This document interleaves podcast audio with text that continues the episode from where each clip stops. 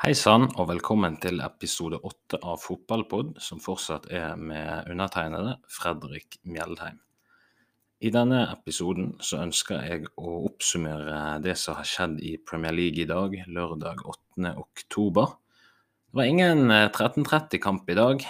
Vi fikk imidlertid servert en god del kamper klokken 16. Også da Brighton mot Tottenham klokken 18.30. Jeg eh, ønsker egentlig å ta det litt i tur og orden, da. Her til lands så var jo det naturligvis fullt fokus på Manchester City mot Southampton, som til slutt endte 4-0 i favør eh, hjemmelaget.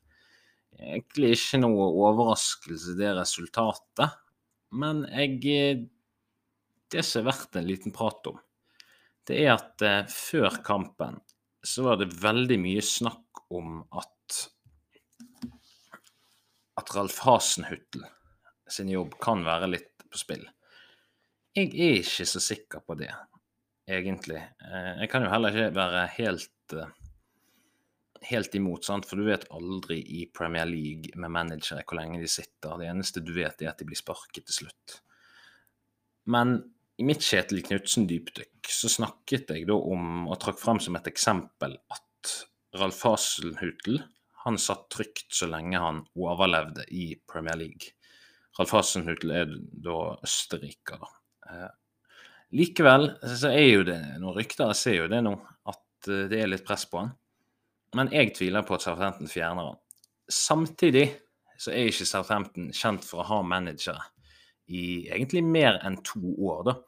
Hvis du ser på track recorden de har hatt siden 12-13-sesongen, så var deres første sesong tilbake i Premier League etter flere år i championship. Ralf Hasenhutl har sittet i fire år. Det er den lengstlevende manageren de har hatt siden de rykket opp til Premier League. Pochettino han ble ansatt i januar 2013. Da var de halvveis i sin første sesong tilbake i Premier League på lang tid. Han fikk sitte til mai 2014 og hadde 38% seier. Ronald Koman han kom i juni 2014 og satt i to år til juni 2016. Han hadde hele 48% seire med, med klubben fra, fra Sør-England. Så kom eh, Claude Poellin. ansatt fra juni 2016 til juni 2017. Han hadde 37% seierprosent, altså ned 11 da, fra foregående manager. Så kom den velkjente Pellegrino inn. ansatt fra juni 17 til mars 18. Han hadde bare 23% Så kom Mark Huge. Ser de gikk mye etter gamle City-managere, da. Han kom inn i mars 2018 og han fikk styre skuten helt til juletider samme år, men ble terminert desember 2018 fordi han hadde en så lav seiersprosent som 18% Siden samme måned, desember 18, har Ralf Hasenhutl styrt skuten, og han ligger i skrivende stund på 34 seiersprosent. Så han ligger egentlig sånn litt imellom det som var toppnivået. sant? På Pochettino hadde 38, Eh, Poella 37. Koman hadde faktisk 48. Hasenutla Hasenhutl har styrt stabilt med 34% Det er seier hver tredje kamp. Jeg mener det er godkjent for en klubb som Southampton i Premier League. Har du seier i hver tredje kamp, så har du ekstremt gode forutsetninger for å overleve sesong inn og sesong ut. De har ikke hatt den beste starten på årets eh, Premier League-campaign. Jeg er enig i det. Men de ligger på overlevelsesplass med syv poeng. De har likevel spilt ni kamper, men de har tapt seks av de. Jeg ser den, men jeg tror det må gå dårlig en god stund til før det blir snakk om at Hasenhutl skal eh, fyres vekk. Det tror jeg. Men samtidig, som jeg har vært inne på før, hvis de skulle fjerne han, optimal mulighet for Kjetil Knutsen. Men jeg vet jeg snakker for mye om det. Vi går videre. I kampen mellom City og Southampton så var Ruben Diaz tilbake fra start. Haaland var blitt hvilt i andre omgang mot København på onsdag eller tirsdag. Tror, tror det var onsdag. Så han var da klar fra start. Det var et modig offensivt Southampton som kom ut, og de holdt ut i hele 20 minutter. Kan man jo egentlig en helt OK prestasjon på, på Etihad Stadium, syns jeg. Men eh, når mannen med flest touch i Premier League av alle, faktisk, det visste ikke jeg på forhånd, Cancelo, satte inn 1-0, så begynner vi å, å, vite litt hva vei dette her går. Det styres mot en, en helt standard uh, dag på kontoret for City på hjemmebane. Som jeg har vært litt inne på tidligere, så vises det igjen hvor viktig samarbeidet er mellom back og wing i Guardiola-fotball, og samarbeidet mellom indreløperne i 4-3-3-systemet. Sånn, back, altså si venstre back, Cancelo, venstre indreløper, altså venstre kant, skal samarbeide godt. Og det er ofte en av de tre målene kommer fra i City når det ikke er Haaland som skårer, føler jeg. Samme gjelder litt på høyresiden. sant? Nå skårer jo alle i City eh, jevnlig som ikke spiller i bakre firer, vil jeg tørre å påstå. sant? Så de har eh, Det er ikke overraskende at det er Cancelo som, som til slutt setter den, egentlig. For det er litt det De har så offensive offensive backer, da, City. Og de har så innarbeidede relasjoner der. I dag var jo det da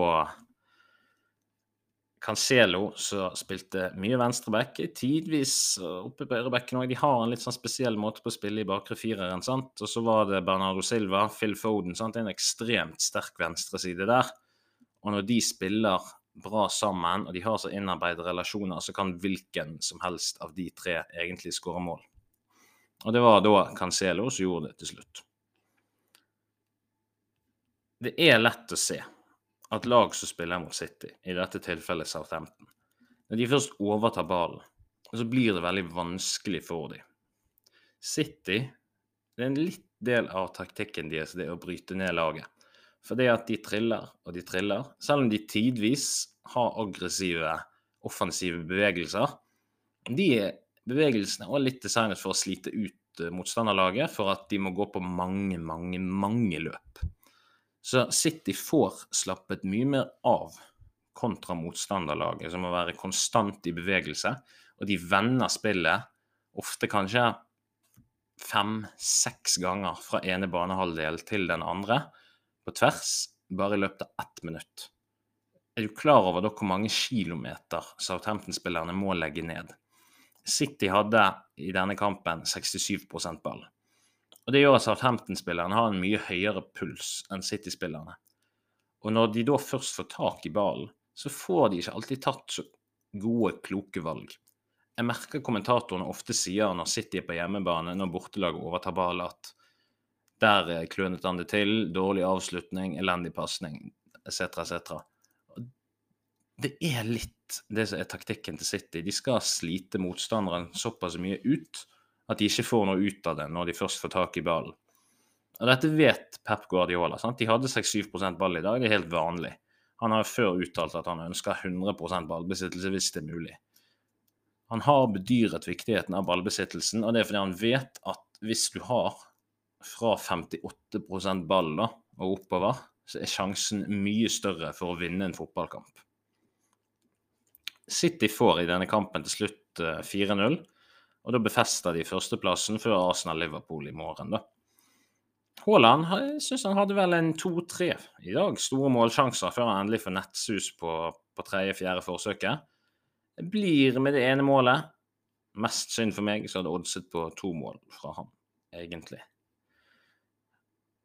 Så det var helt, helt standard eh, helt standard City-kamp i dag. De, de, bryter ned Southampton sakte, men sikkert. Southampton kom ut modig, forsøkte å, å spille litt ball, eh, være offensive, men eh, når City får i gang det lokomotivet, så er det, det er vanskelig å stoppe det. Jeg tror ikke det var noen som forventet at Southampton skulle vinne i dag, og jeg tror heller ikke at uh, Hasenhutl hadde Jeg tror ikke han får sparken pga. at du taper borte mot City, for å si det sånn. Det ble spilt en god del andre kamper òg i, i 16-runden. Leicester klarte ikke å følge opp hjemmeseieren de hadde mot Nottingham Forest på mandag. Eh, tross at de tar ledelsen tidlig etter skåring fra Haaland sin eh, lekekamerat fra Salzburg-tiden, Patson Daka, så vinner Bournemouth til slutt 2-1, og Leicester blir med det værende i nedrykksstriden. Jeg eh, skrev på Twitter like etter den kampen at Eh, er Leicester årets Everton. Jeg lurer litt på det. De har, tross salg av gode spillere, så har de et lag som når du ser på det, så tenker du at de skal være Premier League-proven, og de skal være Premier League-resilente spillere. Men de, de mangler litt sånn eh, fire i laget, føler jeg. Så det, det blir en tung sesong for, for Leicester-fansen, tror jeg. De, de, hadde som sagt den hjemmeseieren mot Nottingham Forest, men Nottingham Forest er for alle lag i øyeblikket en gratis trepoenger. De har kun fire poeng. Så jeg mistenker litt at, eh, at Leicester kommer til å være i nedrykkstiden helt til slutt. Men jeg, jeg, tror de kan være et av lagene som kommer seg, eh, kommer seg levende fra det. Jeg kommer litt nærmere på det etterpå. Chelsea de kjørte over Wolverhampton. Tross eh, at Bruno Lage, Lage, ser jeg noen uttaler, ble sparket i uken fra Wolverhampton. Det var egentlig ingen overraskelse, det det, det, hjelper ikke når du skal på bortebane til Chelsea at du har sparket manageren din. Det er, det er fortsatt et meget godt fotballag du skal møte. Graham Potter viser i lagoppstillingen sin at han, han er ikke helt tiltro til eh, Pierre-Emerick Aubameyang. Spiller litt med en, falsk nier, syns jeg, i Kai Havertz. Viser at han vil satse på mye ballbesittelse, egentlig, når du, når du kjører med falsk nier. Litt sånn vintage Manchester City-taktikk. Eh, Graham Potter gir Conor Gallagher mer sjanser nå.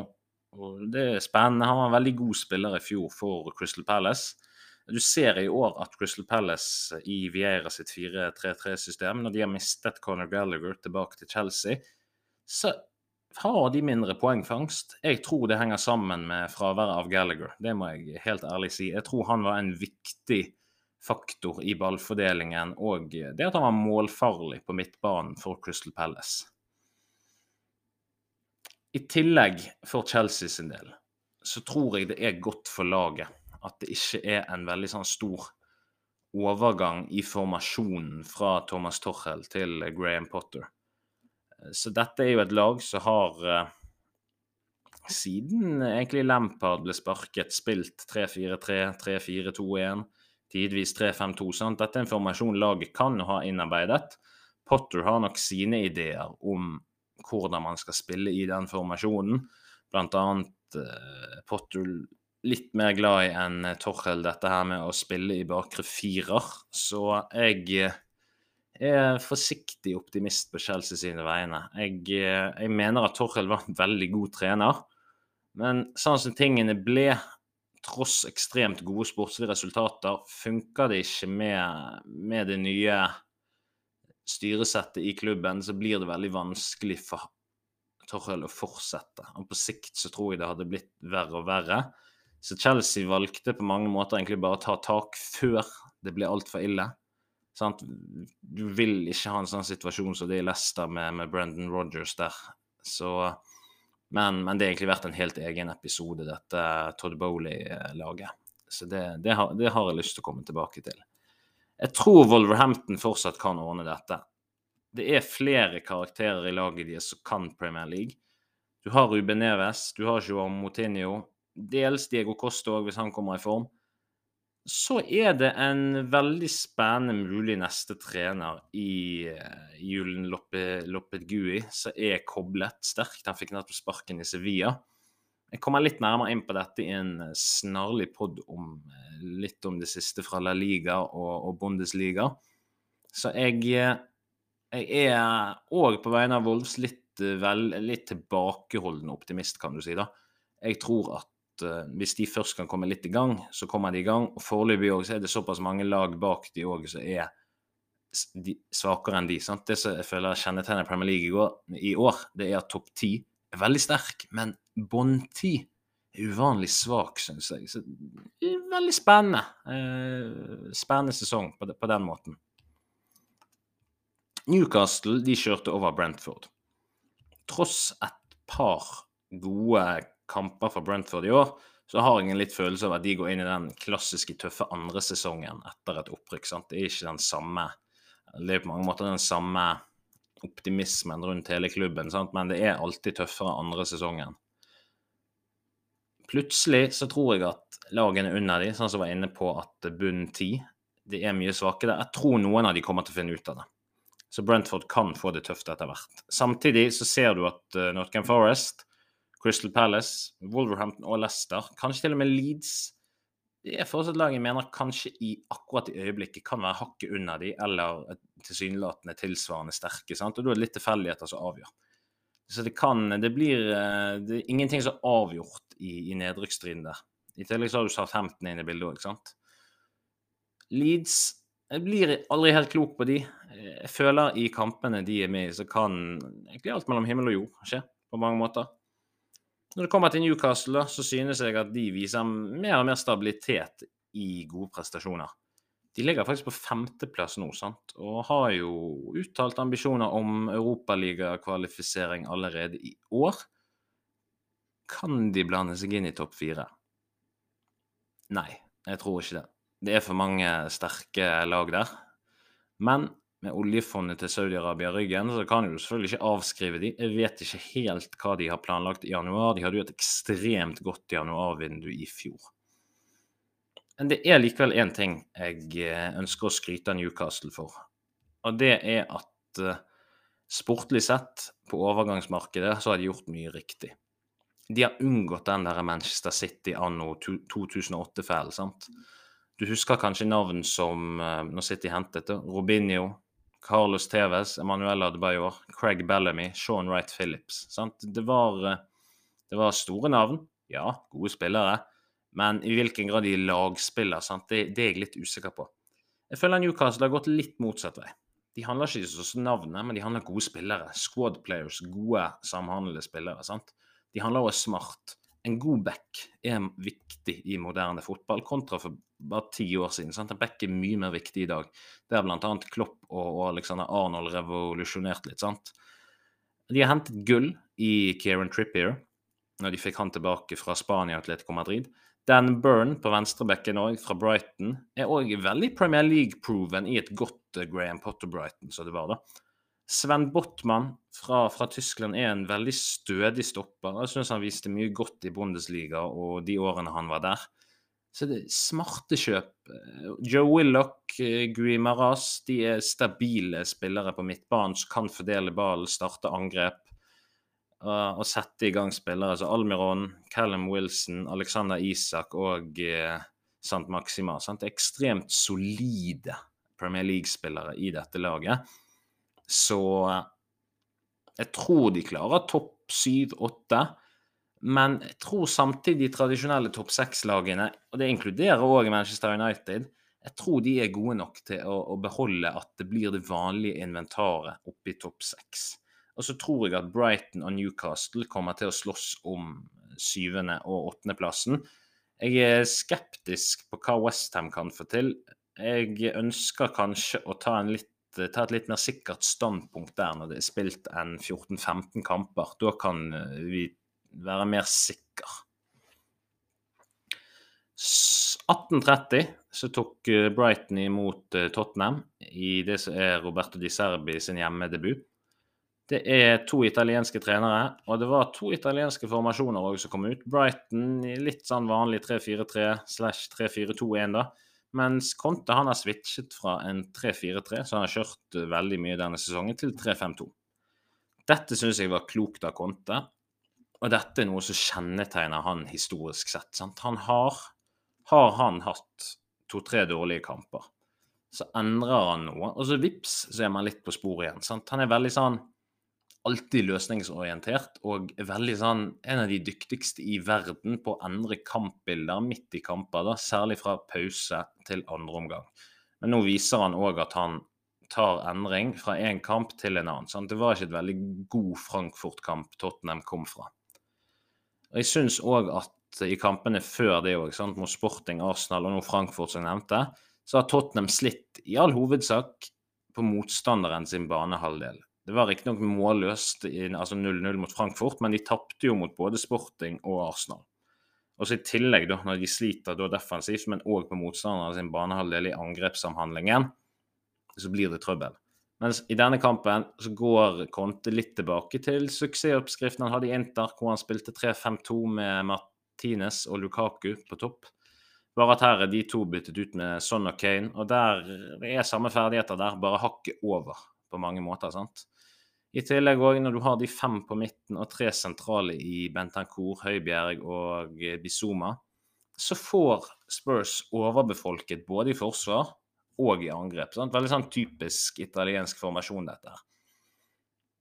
Så når du i tillegg da har Son og Kane uh, alene Riktignok er Kulusevski og Richarlison ute, men det er fortsatt to ekstremt gode angrepsspillere.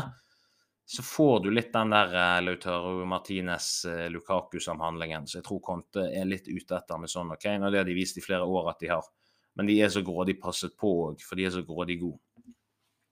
Jeg føler uh, formasjonen passer Tottenham bedre, siden de har veldig mange gode sentrale midtbanespillere. Men de har ikke to midtbanespillere i verdensklasse, altså sentrale, som gjør at 3-4-3 er det beste alternativet. Det blir tryggere med tre. Det er litt sånn som Torhell gjorde i forsvar for Chelsea da han overtok etter Lampard. sant? Han hadde tre gode midtstoppere, men ikke to ekstremt gode. Da kjører du med de tre gode, sant? Og når Tottenham da får tatt ledelsen Litt sånn som de liker å angripe. sant? Ut på siden, kjapt inn sentralt. Kane stusser, og så er det 1-0 og kampen i deres spor. Og når kontelag generelt, og Tottenham, med unntak av noen kamper, er gniten på å slippe inn. Og da når du har 3-5-2 som utgangspunkt, så kan du da i andre omgang forsvare deg i, sånn som de gjorde, store tider, i en 5-4-1 og stenge buret. Og Det er lurt av Tottenham med tanke på formen de er i. Da må du kanskje bare satse på å slippe inn så lite som mulig, og heller få en 1-0-seier. sant? Jeg eh, ser òg at de blir automatisk sterkere i angrep når du har, eh, når du har de tre sentrale, sant. Eh, sånn er òg i storform. Han hadde et 2-0-mål som ble annullert, men han viser jo der klassen han har utenfor 16-meteren. Men litt over på det med Son og Kane igjen. For de tiltrekker seg så ekstremt mye oppmerksomhet. Og det gjør de veldig vanskelig for de å skåre. Det er ikke sånn som sitter der motstanderlaget har åtte målfarlige spillere å passe på. sant? Tottenham har kanskje to, tre, fire, fem. Og fem, da er jeg snill. Tottenham har færre, sant? og får, dermed får de dårlige arbeidsvilkår, for de blir mer omringet. sant? Så sånn ok, det er ekstremt det er helt ekstremt det de har holdt på med i årevis. De er alltid omringet av flere spillere, men de leverer gode tall sesong inn, sesong ut. Jeg tror òg eh, om at Conte holder seg litt til denne Inter Milan-oppskriften han kjørte i dag, så er det lurt. Han har prøvd nå lenge med, med 3-4-3. Jeg skjønner det når du har Kulusevski og Richarlison i tillegg til Son og Kane. Det er vanskelig å benke to av de fire store navnene. Og poengmessig så har det vært god fangst i Premier League. Men det gode spillet har latt litt vente på seg. Jeg syns i dag det var en spillmessig svak framgang. Men samtidig, ikke glem hvor god Brighton er. Så jeg forventet et tett og tight oppgjør. sant? Jeg mener Conte bør kjøre 3-5-2 videre, selv om han da må benke to av de fire store angrepsspillerne de har. sant? Litt Brighton. De klarte ikke å utnytte mulighetene de fikk. Jeg, jeg forstår Roberto Di Serbi godt når han ser ekstremt oppgitt ut når eh, Danny Welbeck tar en Dally, Dan, Danny Welbeck og brenner en stor målsjanse. Jeg ser eh, likevel at han viderefører mye av det gode fra Potter. Han vil spille kanskje hakket mer ut bakfra enn Graham Potter gjorde. Tidvis nesten litt sånn eh, Bodø-Glimt mot Arsenal-risikonivå på det der. Men Tottenham får en 1-0-seier, veldig typisk kontraresultat, og befester tredjeplassen litt grann nå. De har fire poeng ned til, ned til, Chelsea, men de har én kamp mer spilt òg. Det er ikke gitt at Chelsea vinner hengekampen sin heller. Så det er veldig spennende å se hva London-lag som klarer å henge på City lengst akkurat nå, siden Liverpool for øyeblikket er tatt ut av det regnestykket. sant? Blir det Chelsea, Tottenham, Arsenal ekstremt tight, og alle lagene har eh, for første gang på, på mange år at samtidig alle tre lagene har så ekstremt gode managere. Så foreløpig er United og Liverpool the weak links i topp seks. Men uh, Tottenham gjorde det de måtte i dag. Og eh, de spilte så godt som mulig med forutsetningene. Eh, Roberto Di Serbi, modig Brighton-lag. Det kommer til å bli bra, det òg, tror jeg. Men det vil ta en liten overgangsperiode. Jeg tror ikke han blir lang, siden Potter har forlatt skuten i god stand. Men jeg syns taktisk var Conte lur i dag, og seg sjøl lik. I morgen er det to kamper av de fire som vekker ekstra interesse hos meg, da, selv om all Premier League vekker noe i meg. Arsenal-Liverpool er 17.30, og så er det Everton United klokken 8. Oddsmessig ville jeg spilt på over 2,5 mål i Arsenal-Liverpool og under 4,5 i United eh, mot Everton.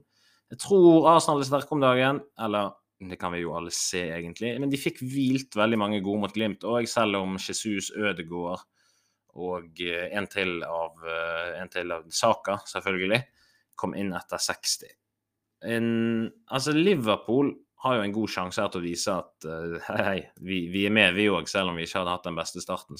En, en, seier fra Liverpool vil være en statement. Så, og Liverpool har òg tradisjonelt sett vært sterke på, på Emirates, sant. Så Og uh, så litt på de siste fire-fem innbyrdes oppgjørene, Liverpool har, uh, har god kontroll på Arsenal. Eh, det er to lag der begge er bedre framover enn bakover, syns jeg. Jeg tror Arsenal i øyeblikket er hakket bedre enn Liverpool eh, bakover. Det blir mange mål. Det blir målrikt, tror jeg. Det kan òg hende det ikke blir det, men jeg, det er større sjanse for at det blir, eh, blir fire mål enn ett mål, tror jeg. I tanke på hjemmebanefordel for Arsenal, så tror jeg kanskje de trekker det lengste strået, eventuelt uavgjort. Men den dagen Liverpool finner tilbake til seg sjøl, så blir jeg ikke sånn altfor overrasket, egentlig. Det er litt spørsmål om tid. Jeg har vært inne på den Real Madrid-sammenligningen min. Der, eh, der, Real Madrid brukte jo over ett år på å finne tilbake til seg sjøl. Jeg tror ikke Klopp kommer til å bruke så lang tid heller. Så det det er en veldig spennende kamp, faktisk. Det er Det blir uh, kult å se hvordan Liverpool uh, blir. Altså, de har hatt to strake seier i Champions League nå, pluss godt angrepsspill mot Brighton, tross at de var svake bakover. sant? Arsenal har vært ekstremt dyktige i år. De har vært fortjent på førsteplassen, så de kanskje bare låner til City i, i natt. Men når de møtte et topp seks-lag i Manchester United, så klarte ikke de å vinne. sant? Så det er veldig det er mye, Vi har fått mye gode svar fra Arsenal, men vi har ikke fått så mange svar fra de når det gjelder Arsenal mot topplag. Så det er det jeg gleder meg til å få svar på i morgen. Hvordan blir det når Arsenal møter et topplag? Hvis Arsenal vinner overlegent eller har veldig godt spill, altså mye bedre spill enn Liverpool, så kan vi for alvor begynne å snakke om liten tittel utfordret til City. Trykk på liten, selvfølgelig. Hvis Liverpool vinner, så tror jeg det vil snakkes mye om at de begynner å være tilbake til seg sjøl. Så vanvittig spennende. Det er imellom eh, kontra Everton og United, eh, der det er litt mer åpne lagoppstillinger, så tror jeg at, eh, at Liverpool og Arsenal har litt lag som sier seg sjøl. Man vet jo hvem som kommer til å starte i morgen. Sant? Det er det blir ikke de store overraskelsene i de laguttakene. Sant? Det er kanskje to, tre, fire spillere totalt, så det er et tvil om hvem som starter på hvilken posisjon. sant? Jeg, eh, I forhold til Everton United Everton har vært i, i, godt slag, men de har vunnet de to siste kampene i Premier League. United har med unntak av City-tapet 6-3, så har de vunnet de to siste i Europa League pluss seieren mot Arsenal på hjemmebane før det. Det er riktignok veldig lenge siden. Jeg tror at Ten Hag kommer til å kjøre et noe lignende, lignende lag mot, mot Everton som han gjorde mot City. Det vil gå bedre, ser jeg for meg, siden Everton er ikke på et City-nivå. City er en helt egen liga, særlig på hjemmebane. Så det blir, eh, selv om jeg har vært litt inne på hva jeg mener bør endres i United-lagoppstillingen, det kan du høres i episode 7, som spilte inn eh, etter Europaligaoppgjøret til United. Everton har, som jeg har sagt før, kjøpt noen Premier League-proven spillere. De er Premier League eh, de, de, er mer stabile i år enn, eh, enn, i fjor, tror jeg. Men det er åpne kamper i morgen i, i ligaen. Så eh, det, er, det, blir gøy å oppsummere morgendagen òg. Ellers er det Crystal Palace hjemme mot Leeds og Westham tar imot Fulham. Så det er mange åpne kamper. Dette var episode åtte av Fotballpod med meg, Fredrik Mjellheim. Følg meg gjerne på Twitter, der jeg heter Fotballpod med Fredrik Mjellheim. Alfakrøll FR Mjellheim. Takk for at du lyttet.